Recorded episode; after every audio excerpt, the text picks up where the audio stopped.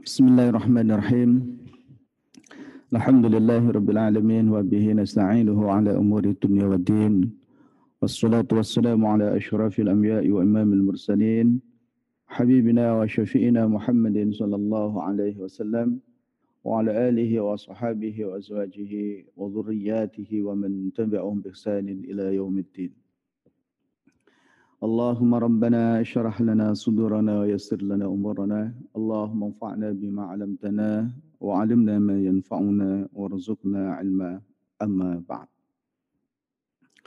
Bapak Ibu sekalian, rahimakumullah, seluruh yang hadir pada pagi hari ini, uhayyikum jami'an bitahiyatul Islam, tahiyah mubarakah min indillah. Assalamualaikum warahmatullahi wabarakatuh.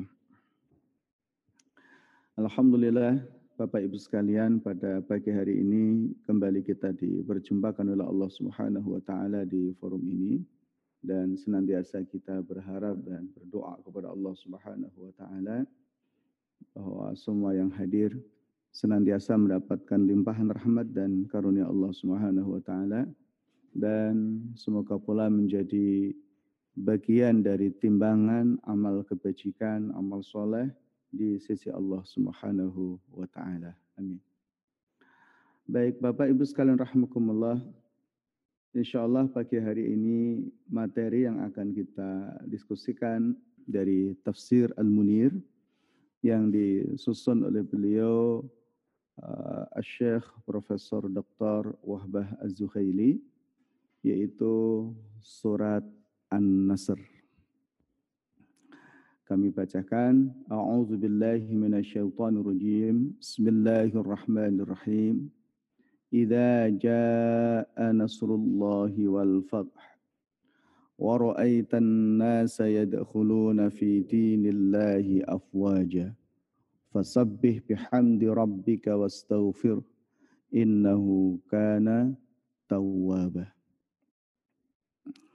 Idza jaa ketika datang nasrullahi pertolongan Allah Subhanahu wa taala wal fathu dan juga kemenangan atas Makkah dan juga dakwah Islam di seluruh penjuru negeri Arab.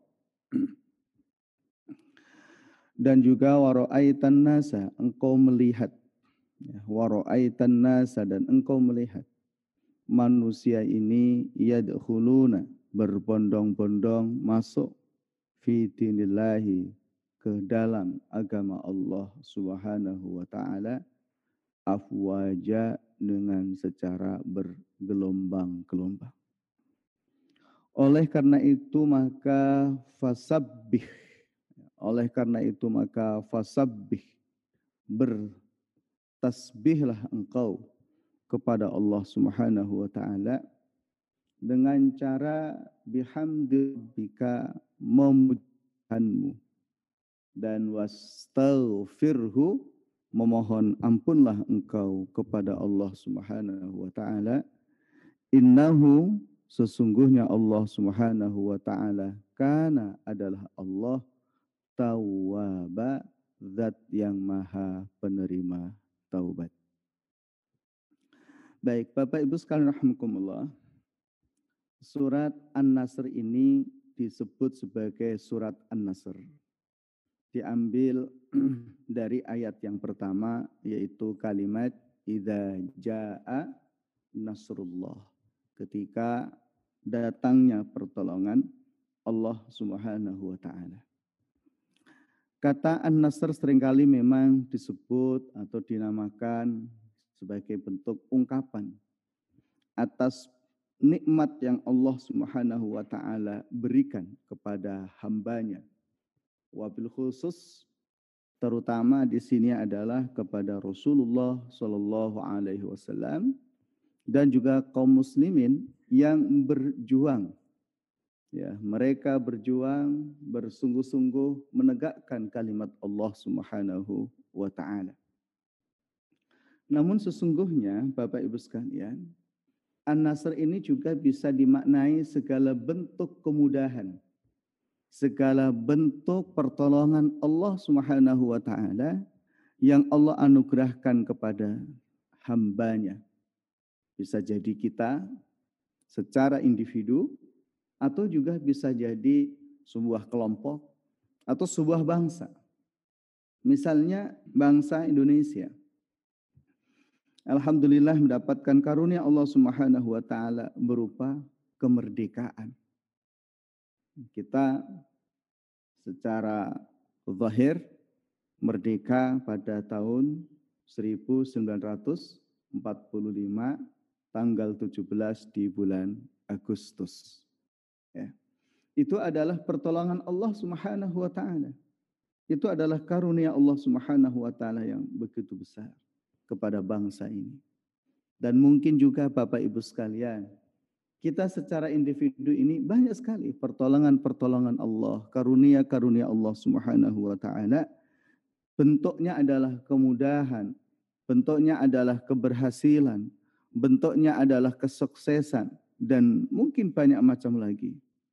Dan itu diawali dengan kata idza jaa nasrullah, yaitu ketika datang pertolongan Allah Subhanahu wa taala.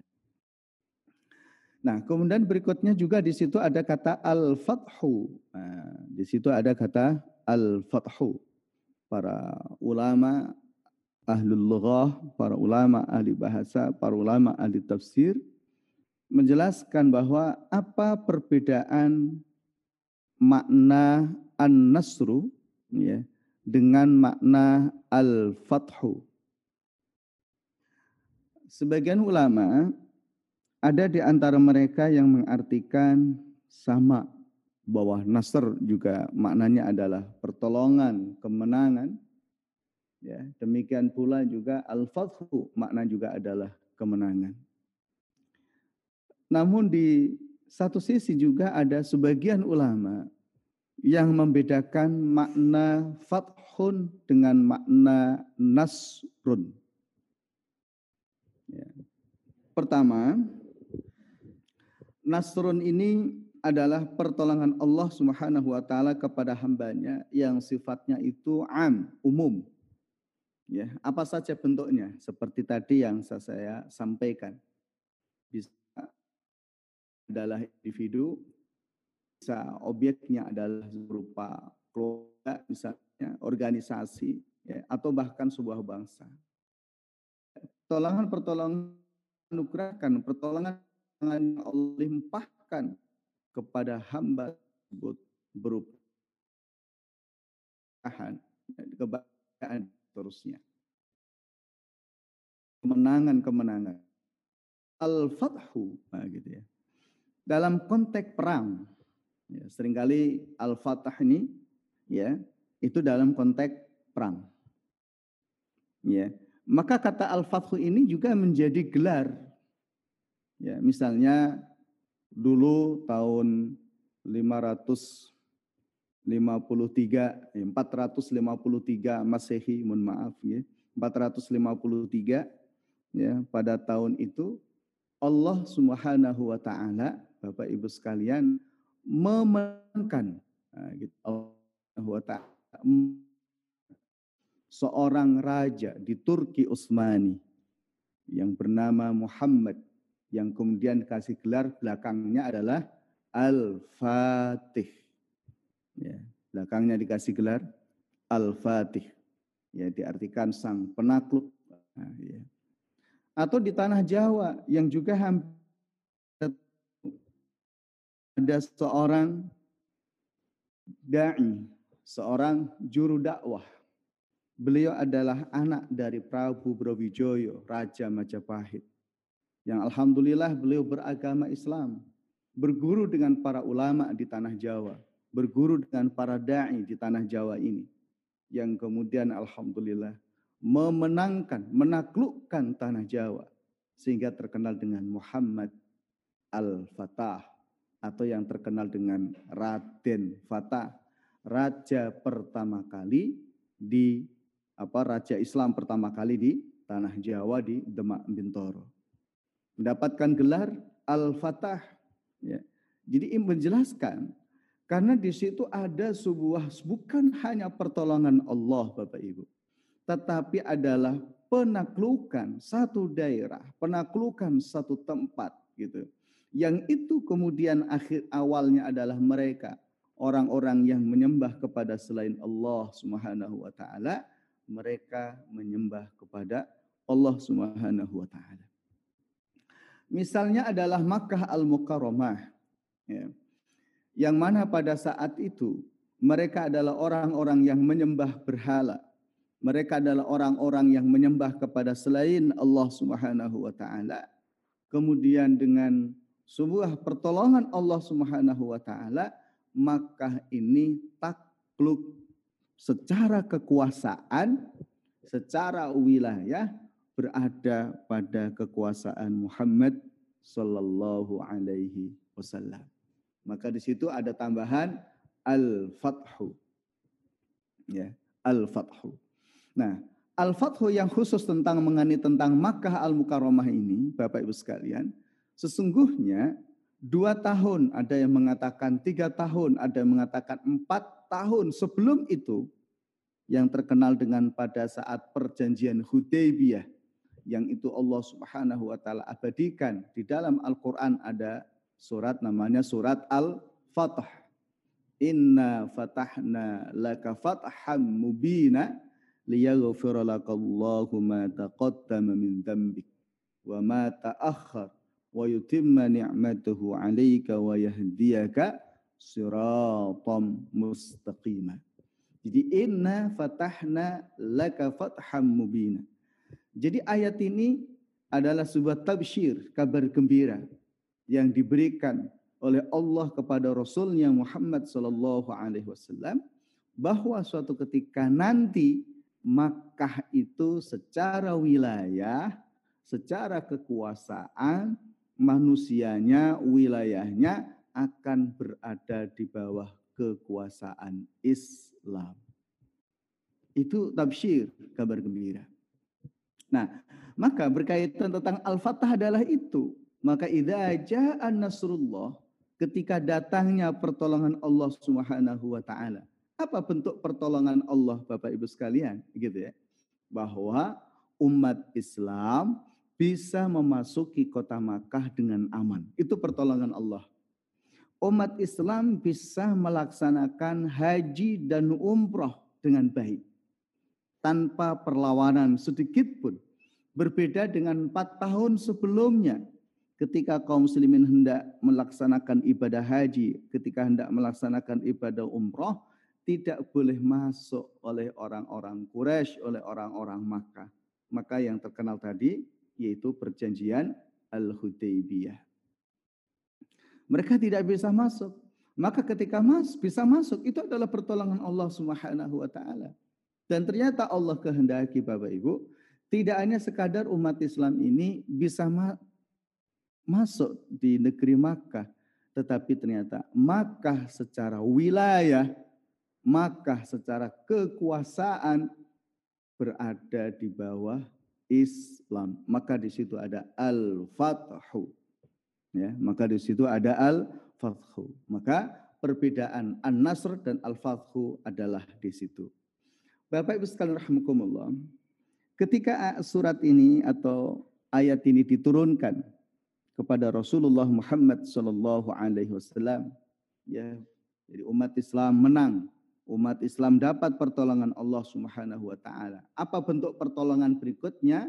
Wa ra'aitan nasa yadkhuluna fi dinillahi afwaja. Dan engkau wahai Muhammad melihat manusia itu di negeri Yaman, ya, di semenanjung Arab, ya, seluruh tanah Hijaz. Ini mereka yadkhuluna fi dinillahi afwaja mereka masuk ke dalam agama Allah Subhanahu wa taala afwaja dengan cara bergelombang, dengan cara berkelompok-kelompok. Terus begitu. Oleh karena sebab itu wahai Muhammad kata Allah Subhanahu wa taala, maka fasabbih. Nah, Bapak Ibu sekalian, insyaallah uh, di dalam surat An-Nasr ini uh, fokus pembahasan kita adalah kepada kalimat fasabbih bihamdi rabbika wastaghfirhu innahu kana tawwaba. Nah, Bapak Ibu sekalian rahimakumullah, fa pada lafal fasabbih. Ya, gitu ya. Fa pada lafal atau pada kalimat fasabbih. Kalau dalam ilmu bahasa, ya, idza itu namanya huruf syarat. Huruf syarat itu jawab. Maka di situ ada kalimat fa di situ. Ya, fasabbih. Karena fasabbih ini adalah merupakan jawaban dari sebuah cerita, peristiwa pertolongan Allah kepada Muhammad, peristiwa kemenangan, penaklukan kota Makkah yang Allah berikan kepada Muhammad, peristiwa tentang masuknya bangsa Arab secara keseluruhan ke dalam Islam. Maka sebab nikmat itu wahai Muhammad, sebab pertolongan Allah itu, sebab anugerah Allah Subhanahu wa taala yang seperti itu, maka sabih bertasbihlah engkau ya Muhammad. Sucikan Allah, agungkan Allah, muliakan Allah Subhanahu wa taala. Gimana cara memuliakan Allah? Bihamdi rabbika dengan memuji Tuhanmu. Gimana cara memuliakan Allah? Wastaghfirhu dan beristighfarlah.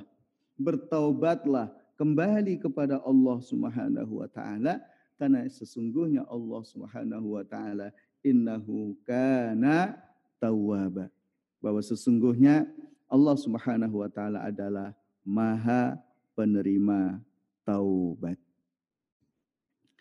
Bapak Ibu sekalian rahimakumullah, sebelum kita lanjut ke pembahasan tentang apa makna fasabbih bihamdi rabbika wastaghfirhu innahu kana tawwaba.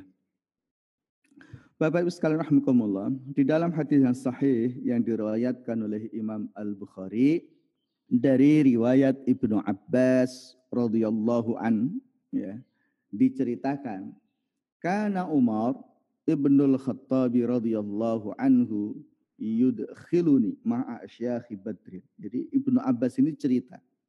Suatu ketika Umar bin Khattab yudkhiluni ma'a syakhi Badrin. Pernah membawaku masuk kepada satu forum.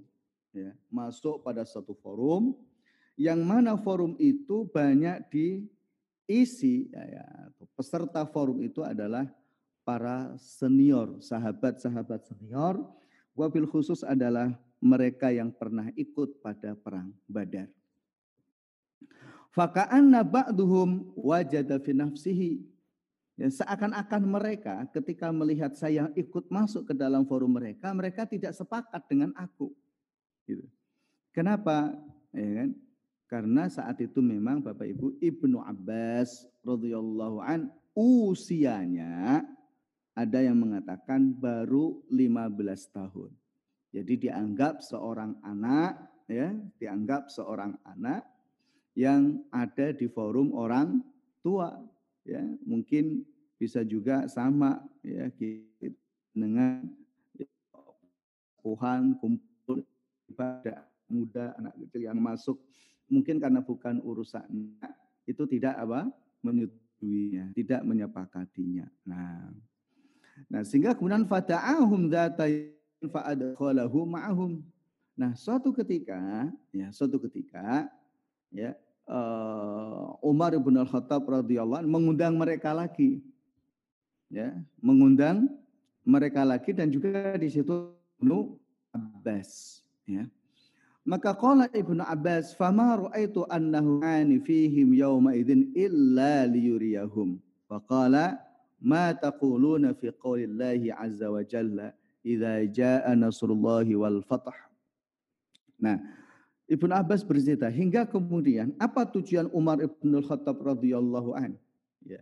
Memasukkanku ke dalam forum ya kepada forum seniornya para sahabat Nabi radhiyallahu anhum karena Umar punya tujuan ingin memperlihatkan mereka mengenai tentang aku.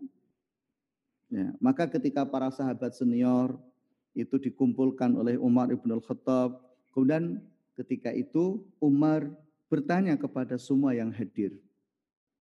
Ya, bertanya kepada semua yang hadir, apa pendapat kalian terkait dengan surat Idza jaa nasrullahi wal fathu wa ra'aitan nasa yadkhuluna fi dinillahi afwaja fasabbih bihamdi rabbika wastaghfirhu innahu kana tawwaba maka kemudian masing-masing dari mereka memberikan jawaban wa qala ba'duhum amarona an nahmid an nahmitallaha wa nastaghfirahu idza nas nusirna wa futiha alaina maka kemudian mereka menjawab kalau kita diberi kemenangan oleh Allah kalau kita diberi kesuksesan oleh Allah Subhanahu wa taala, maka kita memuji Allah Subhanahu wa taala. Dan masing-masing pun wasa kata ba'duhum falam yakul syai'an. Sebagian diam dan tidak memberikan komentar dan pendapat apa pun mengenai tentang makna tersebut. Pada gilirannya faqala li. Maka kemudian Umar ibn Khattab radhiyallahu anhu berkata kepadaku, akadzaka takulu ya Ibnu Abbas? Apakah itu juga sesuatu yang hendak engkau sampaikan wahai Ibnu Abbas? Fakultu aku menjawab la tidak ya bukan itu maknanya. Wa ma taqul? Kalau begitu apa pendapatmu mengenai tentang makna surat tersebut? Maka fakultu aku menjawab huwa ajalu Rasulillahi sallallahu alaihi wasallam. A'lamullahu lahu. Turunnya surat An-Nasr ini adalah tanda bahwa ajal Nabi Shallallahu Alaihi Wasallam itu sudah semakin dekat. Waktu kewafatan Rasulullah, waktu kematian Nabi Shallallahu Alaihi Wasallam itu sudah semakin dekat. Itulah informasi dari surat An-Nasr. Ya. Maka ketika sudah sampai datang ajalmu wahai Muhammad, ketika hendak sampai ada tanda-tanda ajalmu itu tiba, maka fasabbih bihamdi rabbika wastaghfirhu innahu kana tawwaba.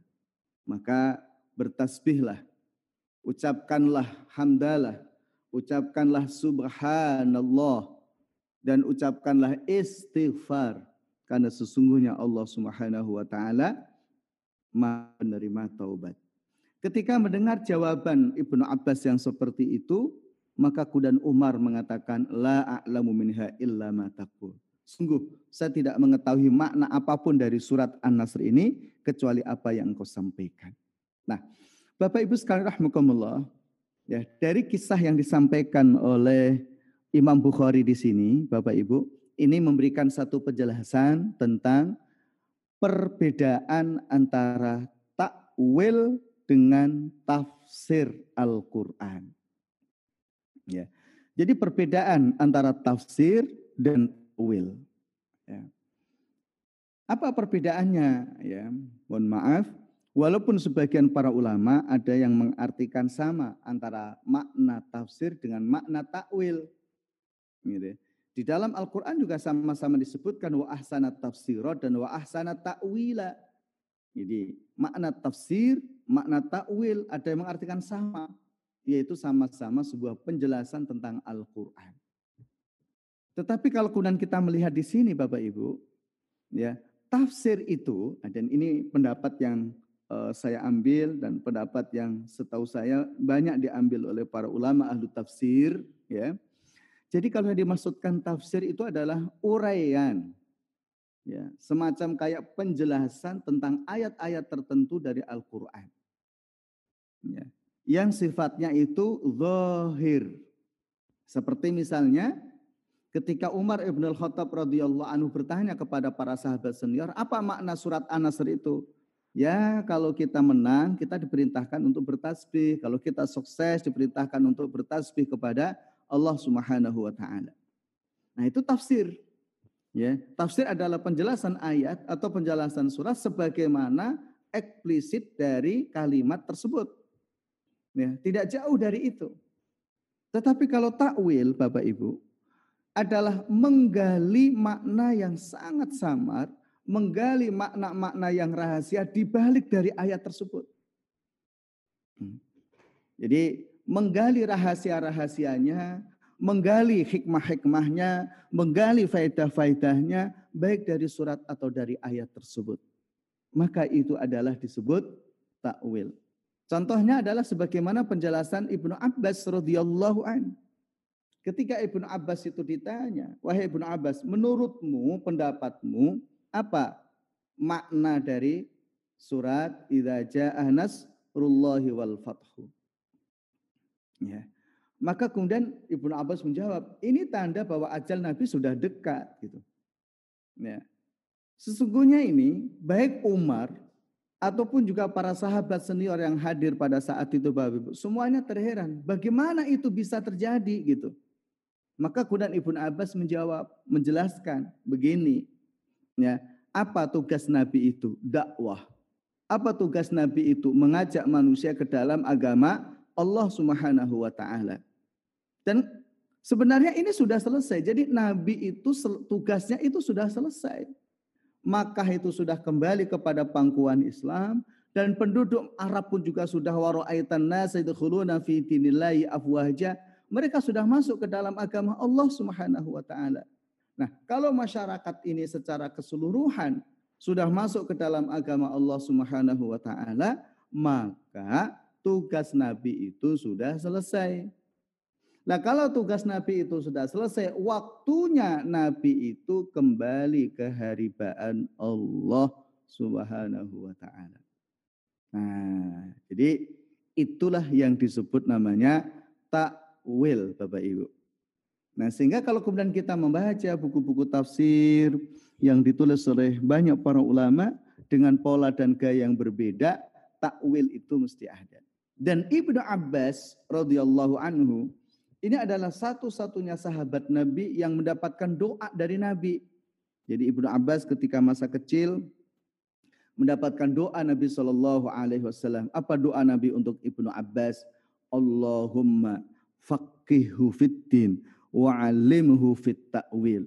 Ya Allah, fahamkanlah Ibnu Abbas itu terhadap agama dan berilah dia ilmu takwil. Nah, jadi maka kemudian tafsir-tafsir Al-Quran yang ditafsirkan oleh Ibnu Abbas, banyak para ulama lu tafsir yang kemudian mengakui bahwa tafsir Ibnu Abbas ini atau penjelasan-penjelasan Al-Quran ya yang disampaikan oleh Ibnu Abbas adalah sebagaimana maksud dari ayat tersebut.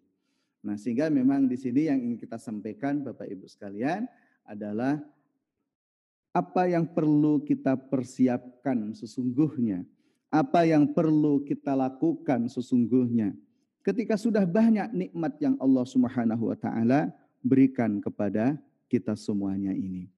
Baik, kemudian Bapak Ibu sekalian rahimakumullah, dari surat An-Nasr ini insya Allah ada beberapa hikmah ya, pelajaran-pelajaran hidup yang bisa kita sampaikan insya Allah. Yang pertama Bapak Ibu mengenai tentang syukur nikmah, yaitu syukur nikmat. Bapak Ibu sekalian rahmatullah, kita sebagai hamba Allah yang hidup, ya, yang mungkin mohon pangapunten ada di antara yang hadir pada pagi hari ini usianya sudah di atas 50 tahun, usianya sudah di atas 60 tahun, mungkin juga ada usianya yang sudah 70 tahun dan seterusnya. Nah, sekian rentang waktu ya yang sudah kita jalani ini Bapak Ibu sekalian. Ya, rentang waktu yang sudah kita jalani ini, tentu sudah banyak nikmat dan karunia yang Allah Subhanahu wa taala berikan kepada kita semuanya. Ya, sudah begitu banyak nikmat, ya, kemudahan, kesuksesan, kebahagiaan gitu ya. Dan itu sudah kita dapatkan semuanya. Ya. Itu adalah nikmat Allah Subhanahu wa taala Bapak Ibu sekalian yang manusia Bapak Ibu diperintahkan oleh Allah Subhanahu wa taala wajib bersyukur atas semua nikmat yang sudah pernah kita rasakan tersebut. Wajib mensyukurinya. Ya. Wabil khusus nyun pangapunten ketika memang usia sudah segitu gitu. Ya. Usia sudah segitu gitu. Sudah banyak nikmat yang Allah berikan kepada kita. Ibaratnya plus sudah mana gitu ya keluarga alhamdulillah juga sudah cukup sukses, sudah bahagia dan seterusnya gitu ya. Ini adalah uh, peringatan juga ya Nasihat juga Allah Subhanahu wa taala dalam surat An-Nasr ini kepada kita semuanya yang usianya ini sudah uh, apa ya? Uh, sudah panjang lah gitu ya, sudah lama menikmati seluruh dinamika dinamika dalam kehidupan ini. Jadi maka di situ dikatakan bahwa kullu ni'matin minallahi ta'ala tastaujibu asyukra wal hamda was sanaa 'ala Allah bima huwa ahlun lahu. Bapak Ibu sekalian. Jadi semua nikmat itu wajib disyukuri. Ya. Semua nikmat itu wajib disyukuri ya. Sederhananya begini, sudah usia sekian itu seharusnya memang banyak bersyukur, bukan banyak mengeluh. Nah, gitu ya.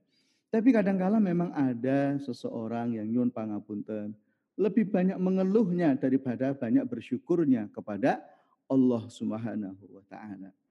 Karena sesungguhnya Bapak Ibu, kunci kebahagiaan itu adalah pada syukur. Kunci ketenangan batin itu adalah pada syukur gitu. Tapi ketika seseorang itu banyak mengeluh, maka sesungguhnya akan hilang kebahagiaan itu. Ya, ketika seseorang itu banyak berkeluh kesah, padahal begitu banyak nikmat-nikmat Allah Subhanahu wa taala yang sudah Allah berikan, ya kemudahan, kesuksesan, kebahagiaan, ya cita-cita. Itu adalah karunia Allah Subhanahu wa taala. Ya. Lebih-lebih Bapak Ibu ketika misalkan di usia sudah seperti ini masih diberi kesehatan oleh Allah, masih bisa berangkat ke masjid, masih bisa membaca Al-Qur'an, masih bisa rukuk dan sujud kepada Allah Subhanahu wa taala dengan enak gitu ya berdiri pun juga masih bisa tegak itu masya Allah. Itu nikmat dan karunia Allah Subhanahu wa taala yang begitu besar. Ya. Nah, nikmat-nikmat itu wajib disyukuri di masa tua ini. Ya, wajib disyukuri di di masa tua tersebut. Ya. Jadi itulah sesungguhnya di antara pesan ya uh, nilai hikmah pelajaran kehidupan yang disampaikan pada surat An-Nasr ini. Ya, sudah pada An-Nasr ini. Nah, Kemudian yang kedua, Bapak sekalian rahimakumullah, maka lihada khatamallah hadhihi surah ya'muru ya bi amrillahi nabiyahu bil iksar minas shalah wa tasbih lillah. Maka kemudian di usia yang sudah segitu sepuh ya, yang ada pada diri Rasulullah Shallallahu alaihi wasallam, Rasulullah diperintahkan oleh Allah untuk melakukan tiga hal. Ya. Rasulullah diperintahkan oleh Allah Subhanahu wa taala untuk melakukan tiga hal. Apa tiga hal itu Bapak Ibu? Yang pertama adalah memperbanyak tasbih. Yang kedua memperbanyak mengucapkan hamdalah dan ketiga memperbanyak beristighfar. Baik, sedikit ini kita urai satu-satu Bapak Ibu. Nah, Bapak Ibu sekalian rahimakumullah, tasbih, tahmid, dan istighfar. Maka dalam satu hadis pula yang diriwayatkan oleh Imam Bukhari dari Aisyah radhiyallahu anha ya. Dari Aisyah radhiyallahu anha setiap kali sholat ya doa yang dibaca oleh Nabi Shallallahu Alaihi Wasallam ya setiap kali sholat doa yang dibaca oleh Nabi ketika sujud ketika ruko, ah gitu ya. Ya, yang dibaca oleh Nabi Shallallahu alaihi wasallam adalah subhanakallahumma wa bihamdika ya. Allahumma firli. Jadi ini doa sujud, doa ruko yang dibaca oleh Nabi Shallallahu Alaihi Wasallam di saat-saat menjelang ajal beliau. Saya ulang, subhanakallahumma wa bihamdika Allahumma firli. Itu. Sekali lagi subhanakallahumma wa bihamdika Allahumma firli. Maha suci engkau wahai Allah dengan memujimu maka ampunilah dosa-dosaku. Itu doa sujud, doa rukuk yang dibaca oleh Nabi Shallallahu Alaihi Wasallam setelah Fathu Makkah ya. Setelah Fathu Makkah, itu doa yang banyak dibaca oleh Nabi Shallallahu Alaihi Wasallam. Nah, dalam konteks zikir, ya, dalam konteks zikir, maka zikir yang banyak dibaca oleh Nabi Shallallahu Alaihi Wasallam adalah Subhanallah wa bihamdih astaghfirullah wa atubu ilaih. Nah, ya. Saya ulang Subhanallah wa bihamdih astaghfirullah wa atubu ilaih. Subhanallah wa bihamdih astaghfirullah wa atubu ilaih. Akhirnya itu uh, zikir yang banyak dibaca oleh Nabi Shallallahu Alaihi Wasallam di akhir-akhir usia beliau. Baik, Bapak Ibu Mengapa di usia-usia sepuhnya Nabi atau di usia-usia senjanya Nabi Shallallahu Alaihi Wasallam, Nabi memperbanyak tasbih, tahmid dan istighfar. Pertama, Bapak Ibu, tasbih ini sering kali diartikan mensucikan Allah Subhanahu wa taala. Namun pesan yang harus kita ambil, hikmah yang bisa kita ambil dari tasbih di situ Bapak Ibu, jadi orang di akhir usianya tauhidnya kepada Allah itu harus semakin bagus, ya. Jadi tauhidnya kepada Allah Subhanahu wa taala harus semakin bagus tauhidnya itu. Ya. Jadi hati itu harus dibersihkan dari sifat syirik, eh, dari ria, ujub, sum'ah, ya. Hati juga harus diisi dengan kesobaran, tawakal, banyak bersyukur kepada Allah Subhanahu wa taala. Nah, itu. Itu yang harus kemudian dilakukan dengan cara nopo tadi maknanya adalah tasbih itu di situ. Jadi tauhidnya Bapak Ibu. Hatinya harus bersih dari kesyirikan. Ya.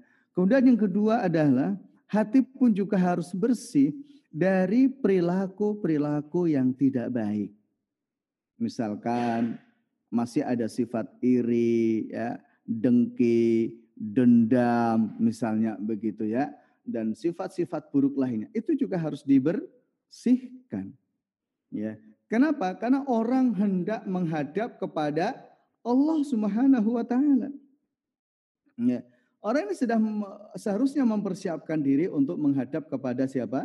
Allah Subhanahu wa taala.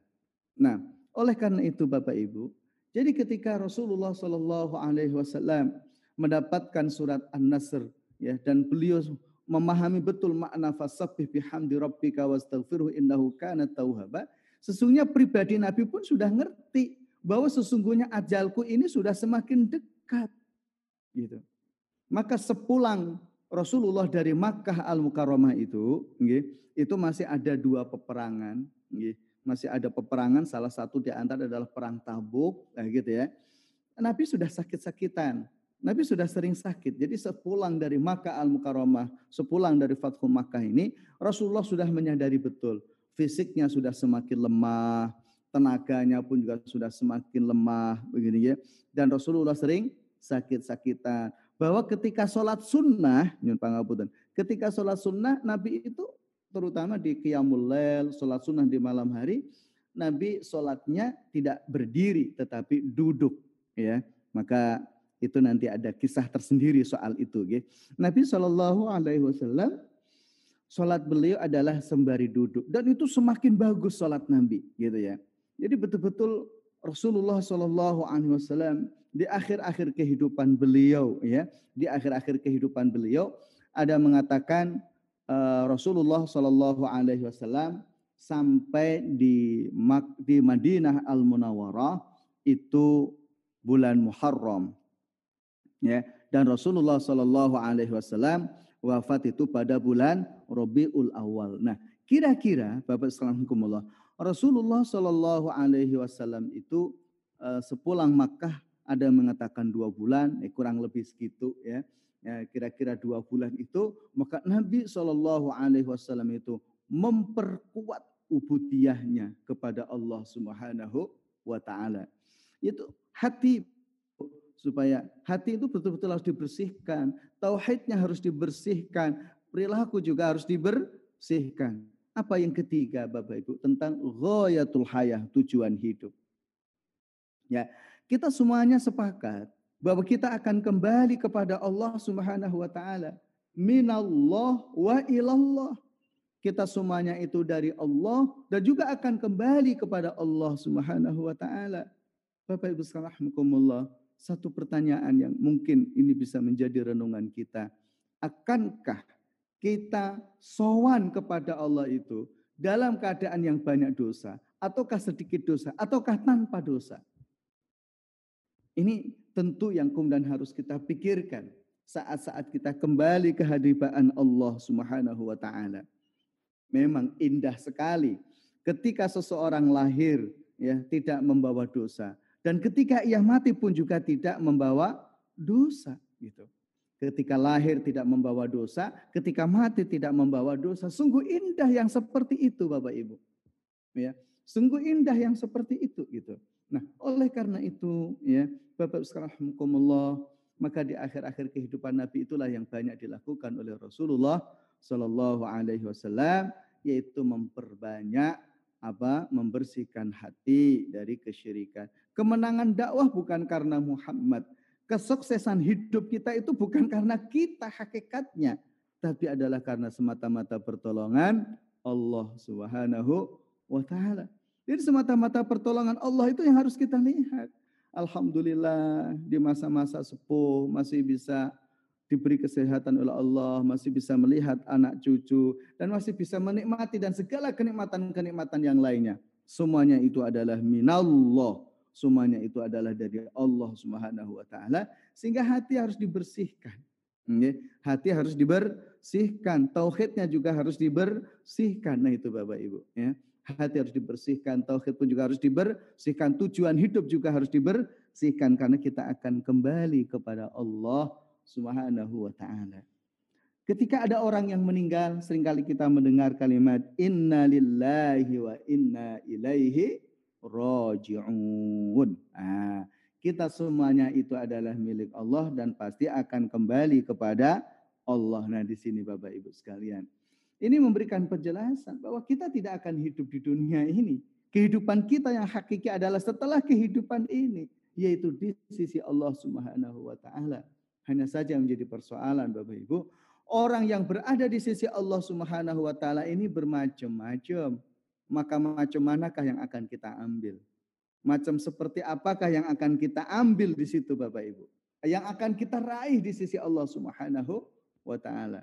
Maka di situlah Allah perintahkan untuk fasabbih. Maka bertasbihlah engkau kepada Allah Subhanahu wa taala. Baik, kemudian berikutnya adalah alhamdu, ya bihamdillahi bihamdi rabbika dengan memuji Tuhanmu. Inilah yang disebut syukur nikmat Bapak Ibu. Ya, syukur syukur nikmat dengan memuji Allah Subhanahu wa taala, bukan dirinya yang dipuji, bukan makhluk yang lain yang dipuji, bukan, tetapi adalah Allah Subhanahu wa taala yang dipuji. Dengan memperbanyak mengucapkan alhamdulillah, segala puji semuanya adalah milik Allah untuk Allah dan pujian itu harus dikembalikan kepada Allah bukan kepada diri sendiri. Kenapa? Allah lah ahlun lahu. Allah lah zat yang layak untuk dipuji.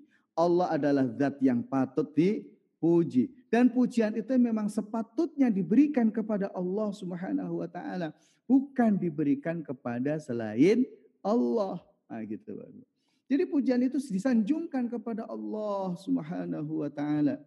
Ya. Disanjungkan kepada Allah Subhanahu wa taala bukan memuji diri, bukan memuji siapa pun, ya. Kadangkala memang orang merasa paling eksis, kepengen diapresiasi, kepengen dihargai, kepengen dimuliakan, kepengen mendapatkan pelayanan, kepengen mendapatkan bla bla dan lain sebagainya. Tidak, Bapak Ibu. Karena orang akan kembali kepada Allah Subhanahu wa taala. Maka pujilah Allah Subhanahu wa taala. Nah, kemudian apa? Yang ketiga, istighfar, Bapak Ibu. Apa yang dimaksudkan istighfar tersebut? Yang membersihkan diri dari dosa.